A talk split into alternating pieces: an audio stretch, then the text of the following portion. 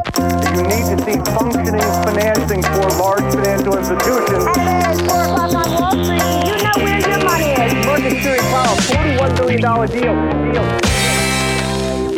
Då är det dags för investerarens podcast nummer 188 i ordningen när det här spelas in är det 18 januari och det har gått 45 minuter ungefär för mig att försöka förstå hur jag ska kunna få igång hårdvaran för att spela in den här podden.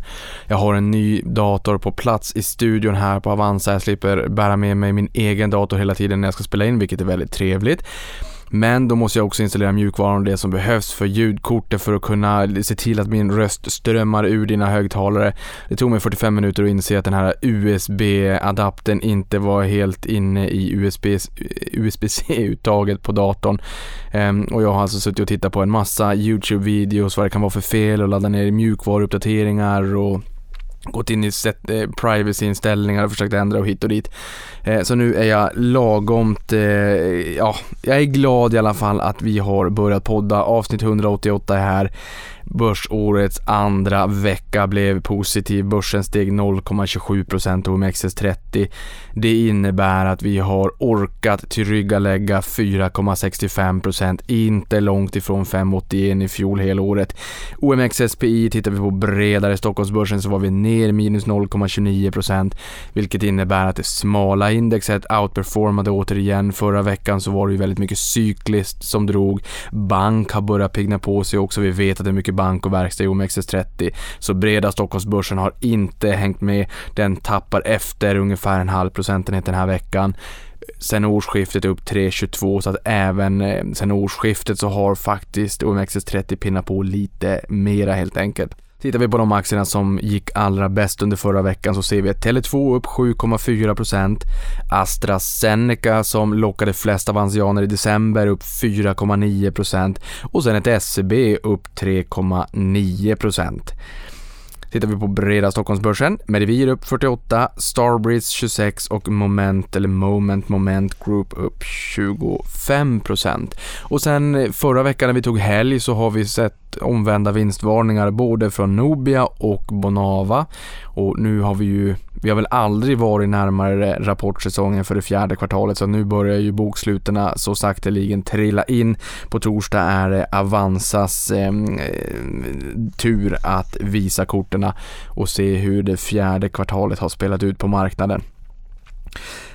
Någonting som jag har fastnat för lite grann det är Mips som har backat 20% från toppen och fortsätter ner i dagen 6% ungefär på grund av att en konkurrent hävdar att de har en bättre teknologi och att de har lanserat eh, sin teknologi i skidhjälmar och eh, det här eh, och att de då säger att det här är bättre då än, än Mips grejer och det här har inte Mips kunnat replikera eller styrka när de har försökt Eh, testa det här och se om det stämmer. Men i och med att ni har lyssnat på Max Strandvits, VD VDn i podden här för inte allt för länge sedan, så tycker jag att det är ganska trevligt att få en liten uppföljning och hur man ska tänka här när det kommer en ny konkurrent som då påstår sig eh, ha bättre teknologi och att eh, Mips som i det här fallet då säger att de inte har kunnat se att det faktiskt är så. De befinner sig just nu i en tyst period fram till bokslutet men därefter kommer vi att få en liten, en liten uppdatering av Max. Hur man ska tänka och hur de ställer sig till det här helt enkelt. Sen har vi också en liten pipeline, jag menar nu har ju snart januari, eh, januari är snart över, snart dags för uppesittarkväll också. Och det är klart, jag måste ju rivstarta inbjudningar till eh, intressanta gäster och ha med intressanta bolag och ha med också. Och Förutom Thunderfall Group som vi såg listas på First North i fjol. De kommer att komma när möjlighet finns. Han bor i Göteborg. När de kommer upp till Stockholm så kommer han förbi. Vi har även en Bracer som inte kommer nerifrån utan då från västerut. Eh, kommer från eh, Värmland. När han, Lars Wingefors, har vägarna förbi så kommer även han till studion och berättar lite mer om en Bracer. Och sen har vi också Erik Selin som jag pratade med här för någon dag sedan i fredags. Eh, och och eh, stämde träff då, så att han kommer i början på februari eh, för att prata om Balder och även fastighetsprofilen Erik Selin. Men sen är det ju även en budstrid just nu med norska Entra där vi har sett både Castellum och SBB och Balder som nu flaggade upp idag faktiskt. Där SBB då var först ut som har eh, piskat upp lite grann till en, en budstrid. Så det är det, den pipen jag har just nu men det börjar ju definitivt vara dags att fylla på den här trevliga pipen ännu mera. Det finns många bolag som jag vill lära mig mer om under det här året och som jag även vill att du ska lära dig mer om under det här året helt enkelt.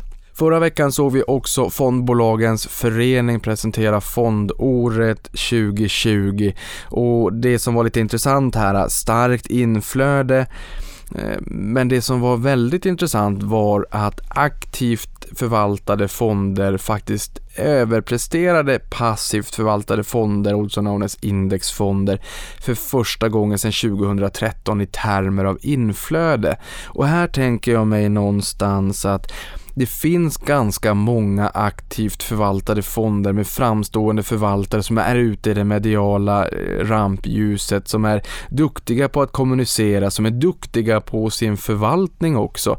Ehm, så att, eh, intressant att eh, vi ändå såg en, ehm, ett trendskifte, fördel aktiv förvaltning då. Och det är klart, jag menar under förra året så hade vi Avanza World Tech by TIN av radarparet Karl Armfelt och Erik Sprinkorn. Och sen hade vi även Fredrik Skoglund med Avanza småbolag by Skoglund. Två stycken fenomenala succéer. Jag tror att eh, Avanza småbolag by Skoglund är den bästa fondlanseringen någonsin i Sverige. Jag eh, tror det. Eh, det tog ett dygn att få in en miljard. Och det är klart att det här påverkar ju självfallet också, men vi har sett väldigt mycket pengar har flödat in i passiva indexfonder de senaste åren. Men vi ser ändå ett visst, eller vi såg i alla fall 2020 ett visst skifte tillbaka till aktiv förvaltning. Och tittar man på de eh, den typen av fonder som har varit i, i eh, rampljuset eller som har favoriserats av spararna så är det ju ganska nischat. Det är dels amerikansk tech men det är även förnybar energi etc. Och där får man ju inte riktigt den eh, koncentrationen, exponeringen man vill ha ifall det är så att man köper en eh, fond som, är någon form av produkt, ja i det här fallet så pratar vi om fonder, som följer ett index, exempelvis ett S&P 500 eller ett OMXS30, utan då måste man ju in på de här nischerna för att få den exponeringen. Eh, och det är ju sunt tycker jag. Jag menar här vet vi att det är fonder som har presterat väldigt, väldigt bra och som ger en spännande alternativ exponering, kanske vid sidan av ett eh, sparande i indexfonder om man så vill. Men just det här med den ökade indexifieringen gör ju också att det blir två läger, antingen passivt indexkapital eller aktivt förvaltat kapital, aktivt förvaltade fonder av duktiga förvaltare. Och de här förvaltarna i mitten, fonderna i mitten som kanske är eh, dolda indexkramare, de kommer nog få det ganska tufft framåt. Så jag tror att det ökade flödet mot indexfonder kommer att göra att det blir bättre och lättare för duktiga aktivt, förval eh, aktivt förvaltade fonder, aktiva stockpickers att göra bra affärer. För vi har sett också att det blir ganska knepiga flöden när, eh, när det strömmar in för mycket pengar i indexfonder och de bolagen som ingår i indexet de, de stiger kraftigt för att alla måste köpa på sig och replikera, följa de här bolagen och sådär, de här aktierna och sådär. Så att ehm, helt enkelt eh, så tror jag nog att det kan vara så att en ökad indexifiering helt enkelt skapar bättre förutsättningar för duktiga stockpickers. Det är, helt, det, det är upp till eh, bevis kan man väl säga. Och tre tre fonder som har gått bäst senaste året är Tematica Future Mobility upp 179%, BNP Paribas Energy Transition upp 178%. Namnet antyder väl att det är bolag som inte behöver vara eh, fullt ut hållbara, compliant med ESG eller lösningsbolag idag utan de befinner sig i någon form av eh, transformation. Här har vi ett danskt Ørsted som, eh, tror att jag uttalar det rätt, som som eh, är väldigt hållbart. De säger på sin hemsida att de är världens mest hållbara bolag för att de har fått en utnämning i en ranking. Det finns 50-11 olika rankings såklart.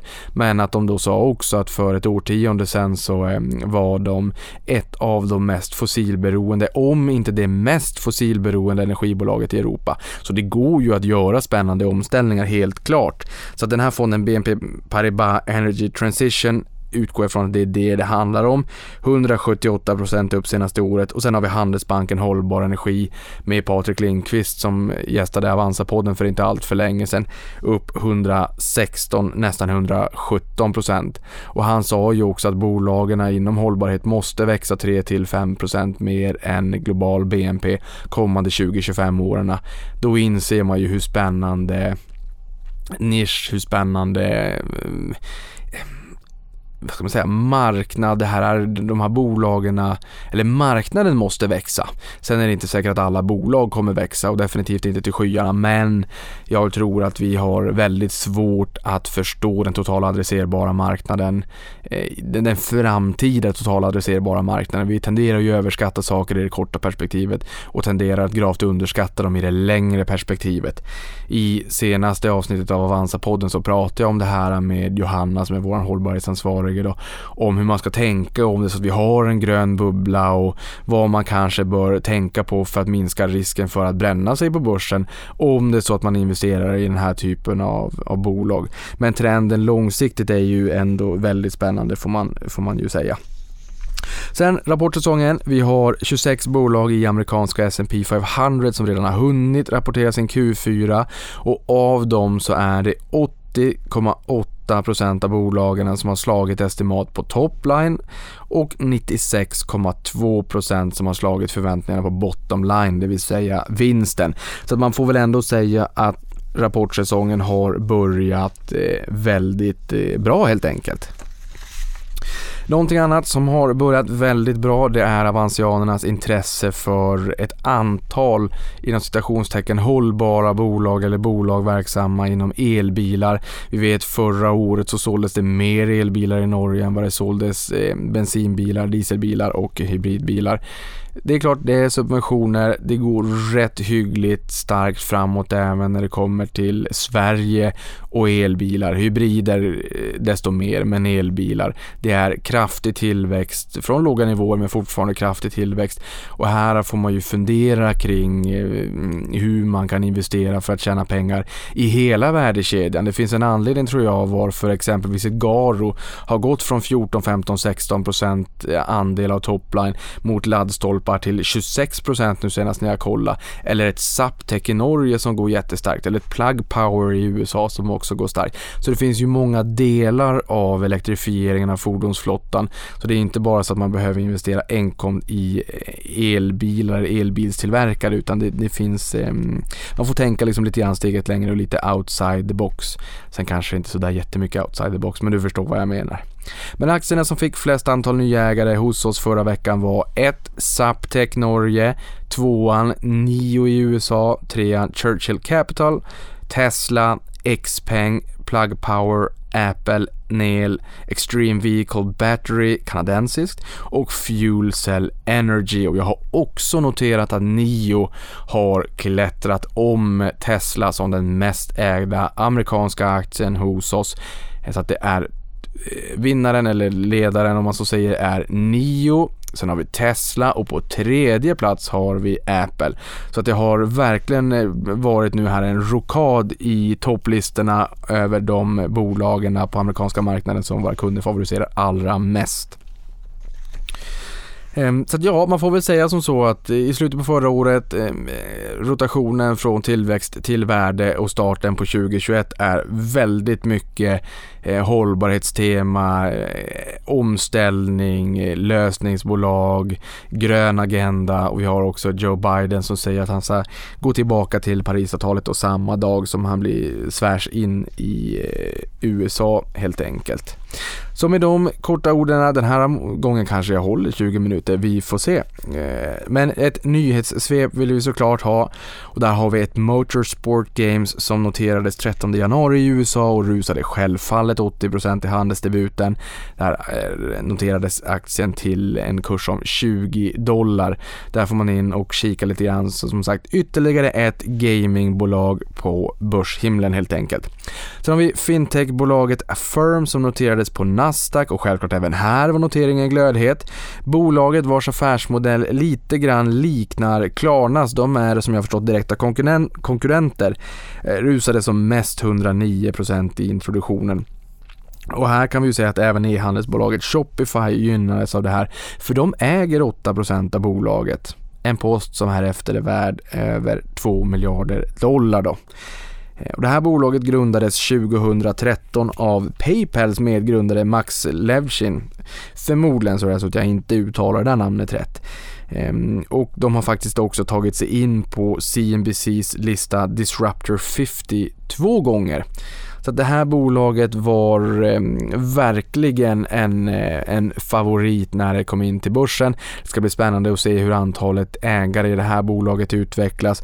Men det visar ju uppenbarligen att Mm, Klarnas affärsmodell, den typen av bolag är det är många som är väldigt nyfikna på dem. Det ska bli intressant att se om det är så att vi under 2021 får välkomna in Klarna på eh, börsen, antingen i Sverige eller i USA. Det har varit mycket prat om USA, men sen var det en journalist här, jag kommer inte ihåg vem det var, som sa att men eh, ska, du, ska ni ändå inte notera er i Sverige och vi har ju stark för eh, aktieägarkultur i Sverige och det är ju ändå här man har, man har startat och sådär. Så vi får väl helt enkelt se, det hade varit väldigt roligt. Men jag tänker mig att det är nog många som kommer att kika lite nyfiket på Klarna alldeles oavsett vilken marknad som de noteras på. Sen har vi husdjursbolaget Petco som noterades för tredje gången sedan bolaget grundades 1965 så de kom alltså in för tredje gången gilt förra veckan. Även här steg de naturligtvis 58% och ticken blev woof. Ehm, så att en lite rolig eh, tick, jag skrev om det här på Twitter också, att det finns ett antal olika bolag med lite roliga tickers. Ett um, Here som eh, Turtle Beach använder sig av. De har ju gamingprylar, gamingtangentbord, gaminghörlurar etc. Så de har Here. Det var någon som hade Boom som höll på med dynamik dynamit och sprängmedel och ja, ett gäng olika eh, roliga tickers. Så tycker du att det är lite intressant så kan du alltid googla på funny tickers. Sen ska vi ta några till så har vi FIS för Fidelity, vi har Info för IHS Market, det är ju finansiell information, info. Vi har FANG för Diamondback Energy, vi har COW för iPath Bloomberg Livestock Total Return, det vill säga COW, det är eh, livestock eller boskap. Sen har vi Boom, det här har jag pratat om då, dynamit. Dynamic Materials Corp, det är explosiva grejer. Yum för Yum Brands. Eat för Brinker. Fun för Cedar Fair och Zeus för Olympic Steel. Sen Here, som jag sa, Turtle Beach, gaminglurar med mera. Heine för Heineken. Grr för The Asian Tigers Fund. Rock för Gibraltar Industries och Ben för eh, Franklin Resources. De har ju Benjamin Franklin i entrén på Franklin Templeton i USA. Det är ju de förvaltarna som jag ibland pratar om när vi har varit på investerarresor i Silicon Valley så har det varit med Franklin Templeton och där sitter Benjamin Franklin, en, en um, staty i entrén och honom har jag suttit bredvid och, och han är väldigt trevlig och säger inte så mycket. Och då vet vi också att på 100 dollars sedan i, eh, 100 dollars sedan i USA så har vi Benjamin Franklin som säger Money makes money and the money the money makes makes money. Pengar skapar pengar och pengarna som pengarna har skapat skapar ännu mera pengar eller ränta på ränta.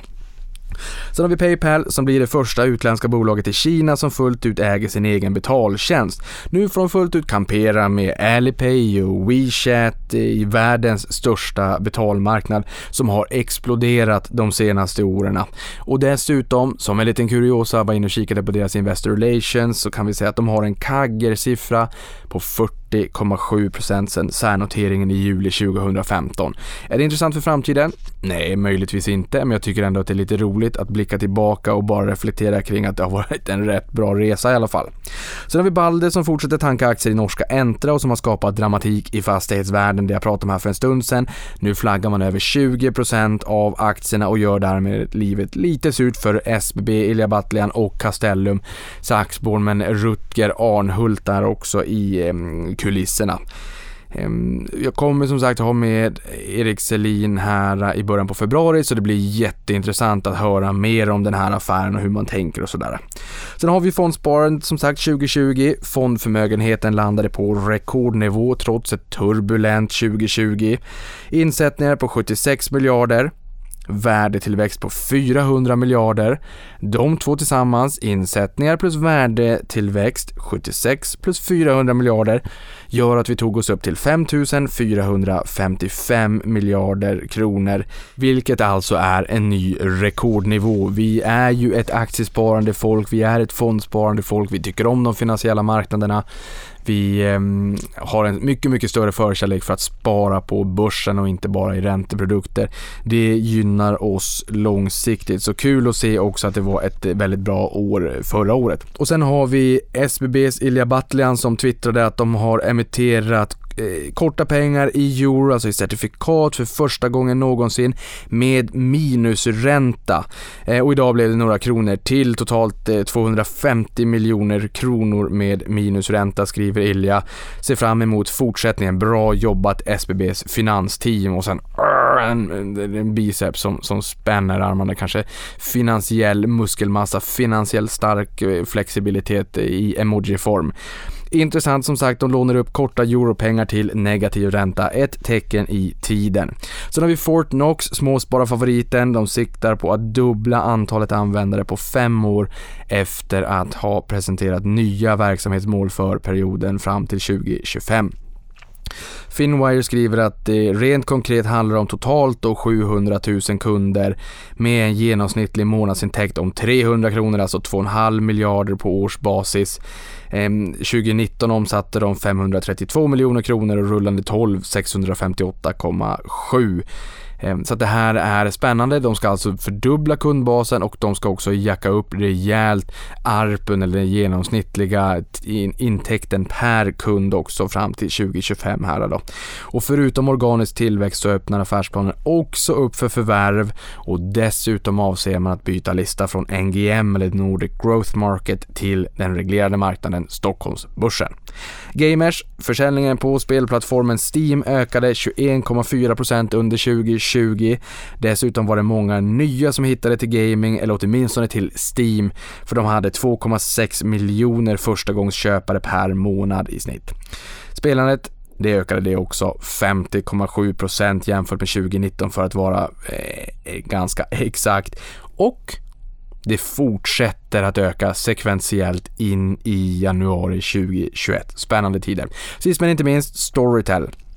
De hade i genomsnitt 1 442 000 betalande abonnenter under Q4, vilket var en ökning med 81 700 abonnenter jämfört med kvartalet innan, det vill säga sekventiellt. Siffran var marginellt över bolagets egen prognos och under januari 2021, där vi nu befinner oss, tror man sig passera 1,5 miljoner abonnenter. Ehm, det var det. Jag höll mig nästan på 20 minuter. Nu ska jag hem, magen kurrar, börsen har stängt och jag har förstått att det var skit bakom spakarna till varför jag inte fick igång eh, maskineriet tidigare. Det viktigaste är att jag fick eh, spela in det till slut och ljuda ut i dina lurar eller högtalare eller hur du än lyssnar på mitt chatter. Och med de orden säger jag avkastning på dig och nästa gång vi hörs så spanar vi in hur vi har eh, behandlats på börsen när vi ska sammanfatta börsårets tredje vecka. Stort tack för det och avkastning på dig.